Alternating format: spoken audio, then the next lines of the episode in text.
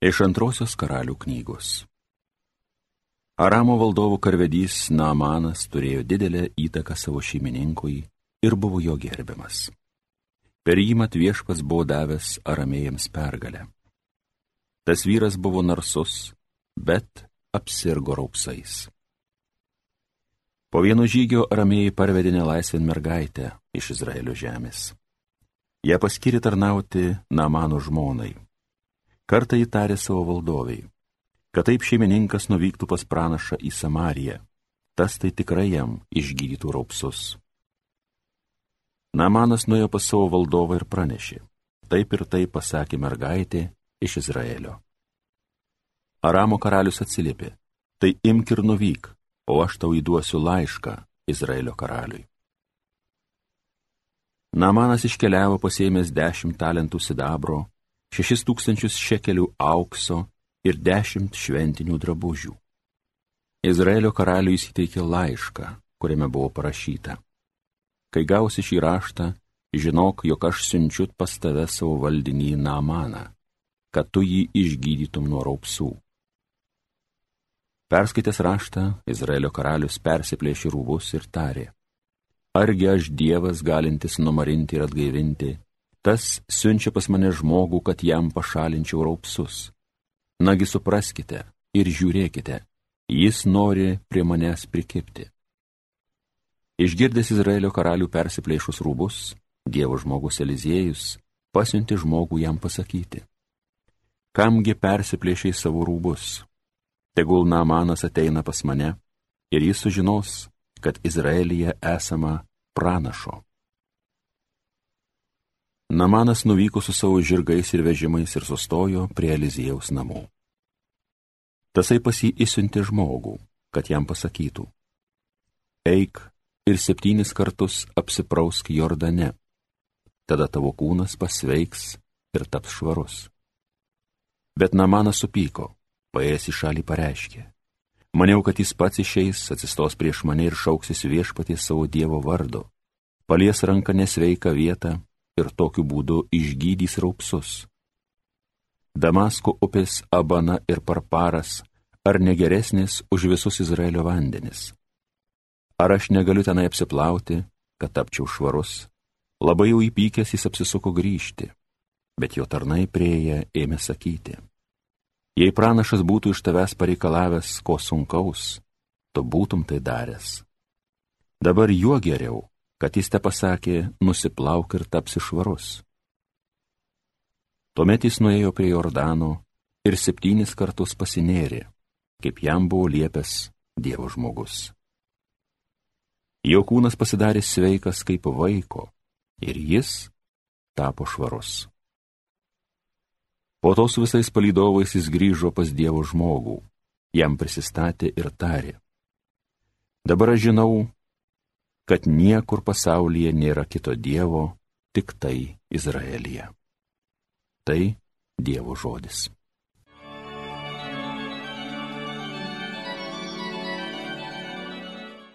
Mano siela ištroškusi gyvojo Dievo, vai kada Dievo veidą išvysiu. Kaip ištroškusi elnė uodžia upelio, taip mano širdis tavęs ilgisi Dieve. Mano siela ištroškusi gyvojo Dievo, vai kada Dievo veidą išvysiu. Mano siela ištroškusi Dievo gyvojo Dievo, vai kada nukeliausiu ir Dievo veidą išvysiu. Mano siela ištroškusi gyvojo Dievo, vai kada Dievo veidą išvysiu. Atsiųski man savo šviesą ir tiesą, tegu man jos vadovauja ir mane veda į tavo šventąjį kalną, į tavo padangtę. Mano siela ištroškusi gyvojo Dievo, vai kada Dievo veidą išvysiu. Tenai prie Dievo aukuro žengsiu, pasau linksmybės džiugesio Dievą, tenai tave šlovinsiu kankliais, o Dieve, o mano Dieve. Mano siela ištroškusi gyvojo Dievo, vai kada Dievo veidą išvysiu. Šlovėtau Kristau, amžinosios garbės karaliau. Dieve, tavi mano viltys, tavo žodžiu pasitikė mano siela. Juk Dievas yra gailestingas, jis visuomet išvaduoja. Šlovėtau Kristau, amžinosios garbės karaliau. Iš Evangelijos pagal Luką. Ateis į Nazaretą, Jėzus bylo žmonėms sinagogoje. Iš tiesų sakau jums, joks pranašas nepriimamas savo tėviškėje.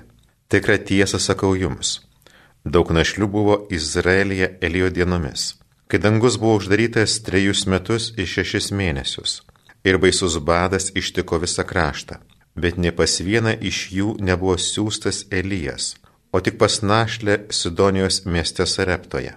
Taipogi pranašo Eliziejaus laikais daug buvo raupsuotojų, bet ne vienas iš jų nebuvo pagydytas, tik Siras Andamanas. Tai išgirdę, visi, kurie buvo sinagogoje, labai užsirūstino. Jie pakilę įsivarė jį iš miesto, iki pakriūtės to kalno, ant kurio buvo pastatytas jų miestas, ir norėjo nustumti jį žemyn, bet Jėzus praėjo tarp jų ir pasišalino. Girdėjote viešpatį žodį.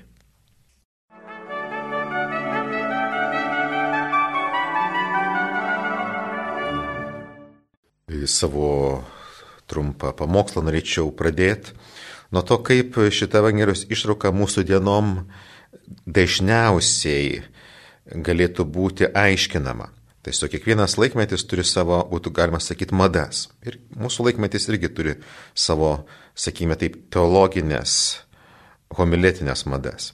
Taigi mūsų laikais e, šitą ištrauką aiškinant būtų atkreipiamas dėmesys į tai, kad Nazareto žmonės buvo užsidarę savyje, nebuvo atviri naujovėms.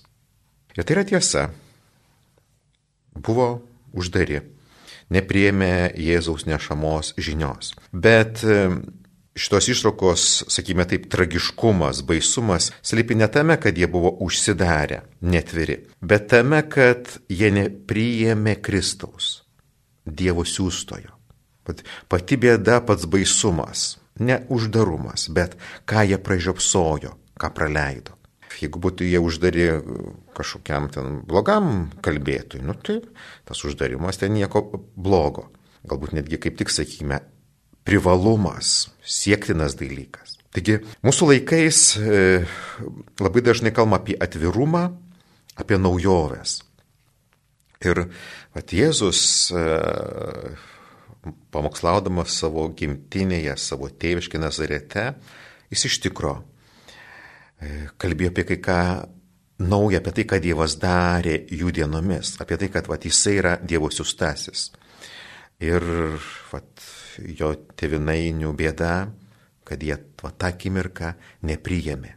Mūsų dienom ypatingai yra kalba apie atvirumą, apie neužsidarimą, apie atsiverimą šventosios dvasios dvelgsmui, apie atvirumą naujomis ir taip toliau. Ir mūsų dienom dar toliau tęsiasi sinodo reikalai, Ir norėčiau atkreipdėmėsi, kad naujumas, atvirumas pats savaime jis dar nieko nepasako. Svarbiausia, ką mes esame atviri. Kai kada netgi man e, ima piktis, kai vad kalbam apie atvirumą, apie naujumą ir nepasakoma, kam esu atviras ir ką priimu. Bet šitame pamoksle, kadangi jis turi būti trumpas, apsistosiu ties e, tokia vat viena mintim. Praeito amžiaus vienas iš didžiausių katalikų filosofų buvo Dominikonas Legranžas. Ir jisai yra sakęs, kad iš esmės yra dvi filosofijos - būties filosofija ir tapsmo filosofija. Jis sako, kad mūsų katalikiškas mąstymas, jis iš esmės atitinka būties filosofiją. Dievas sukūrė pasaulį.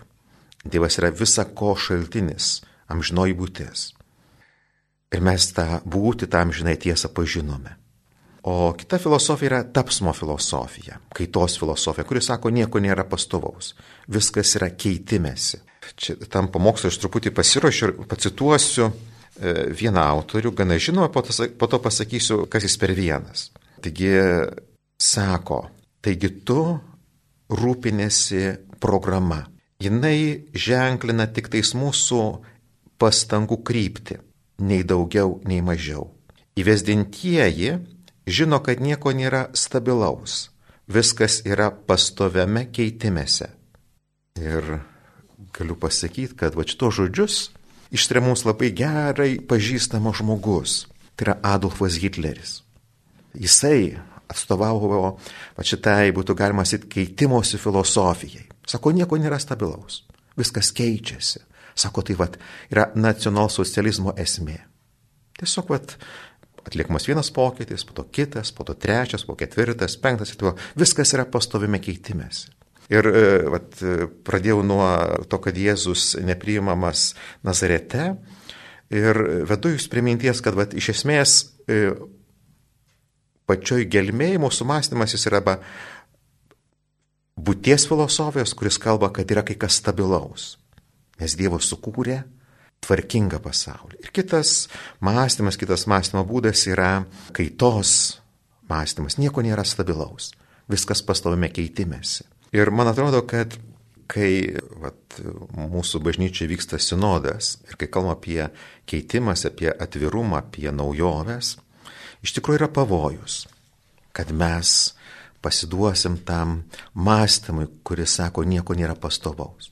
Bet kad mano pamokslas netrodytų visiškai pakibęs ore, noriu duoti vieną bruožą, vieną ženklą, kuris parodo, ar mes tikime, kad vat, yra Dievas, amžinoji būtis ir kad jo sukratame pasaulyje kai kas yra, pos, kai kas yra pastovaus. Vienas iš šitų ženklų kuris turi ir atsispindėti taip pat ir mūsų teologinėse pokalbiuose, silovadiniuose svarstymuose, yra ar mes e, minime dogmas. Dogma yra galutinis tikėjimo teiginys. Kažkada bažnyčia ginčiosi, to ginčio pasiekmė buvo tai, kad kažkokia tikėjimo tiesa paskelbama dogma, galutinė tiesa. Ir vat, jeigu žmogus remiasi į dogmas, tai jisai išpažįsta taip pat. Dievas atėjo, Kristus apreiškė mums savo tiesą ir jin yra pastoviai nekintanti.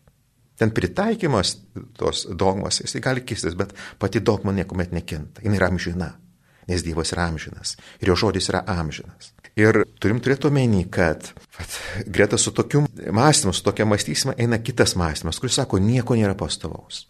Viskas kinta. Ir vienas iš tokios tomų buvo būtent Adolfas Hitleris, kurio ir vat, atnešti baisumai yra susijęs su tokiu, su tokiu mąstymu. Taigi, vat, šios dienos ištraukoj žmonės yra uždari, nepriima Jėzus, bet šitos ištraukos baisumas yra ne tai, kad jie uždari, bet kad jie pražiopsojo Jėzų, amžinai Dievo žodį. Žodis siūsta mums, kad jis į mus prabiltų. Ir kitas dalykas, vat, kai kalbam, kai ginčiamės, kai svarstom, ar nepasiduodam va šitam mąstymui, kuris nepripažįsta nieko pastovaus, yra, ar mes remiamės į dogmas. Jeigu neminime jų, neatsižvelgiame į jas, tada taip. Reikėtų paklausti, ar mes nenukrypstam, nenukrypstam nuo Dievo kaip amžinosios tiesos ir ar neperinam į tą mąstyseną, kuris sako, nieko nėra pastovaus. O vienas iš jų atstovų buvo būtent gerai žinomas Adolfas Hitleris. Amen.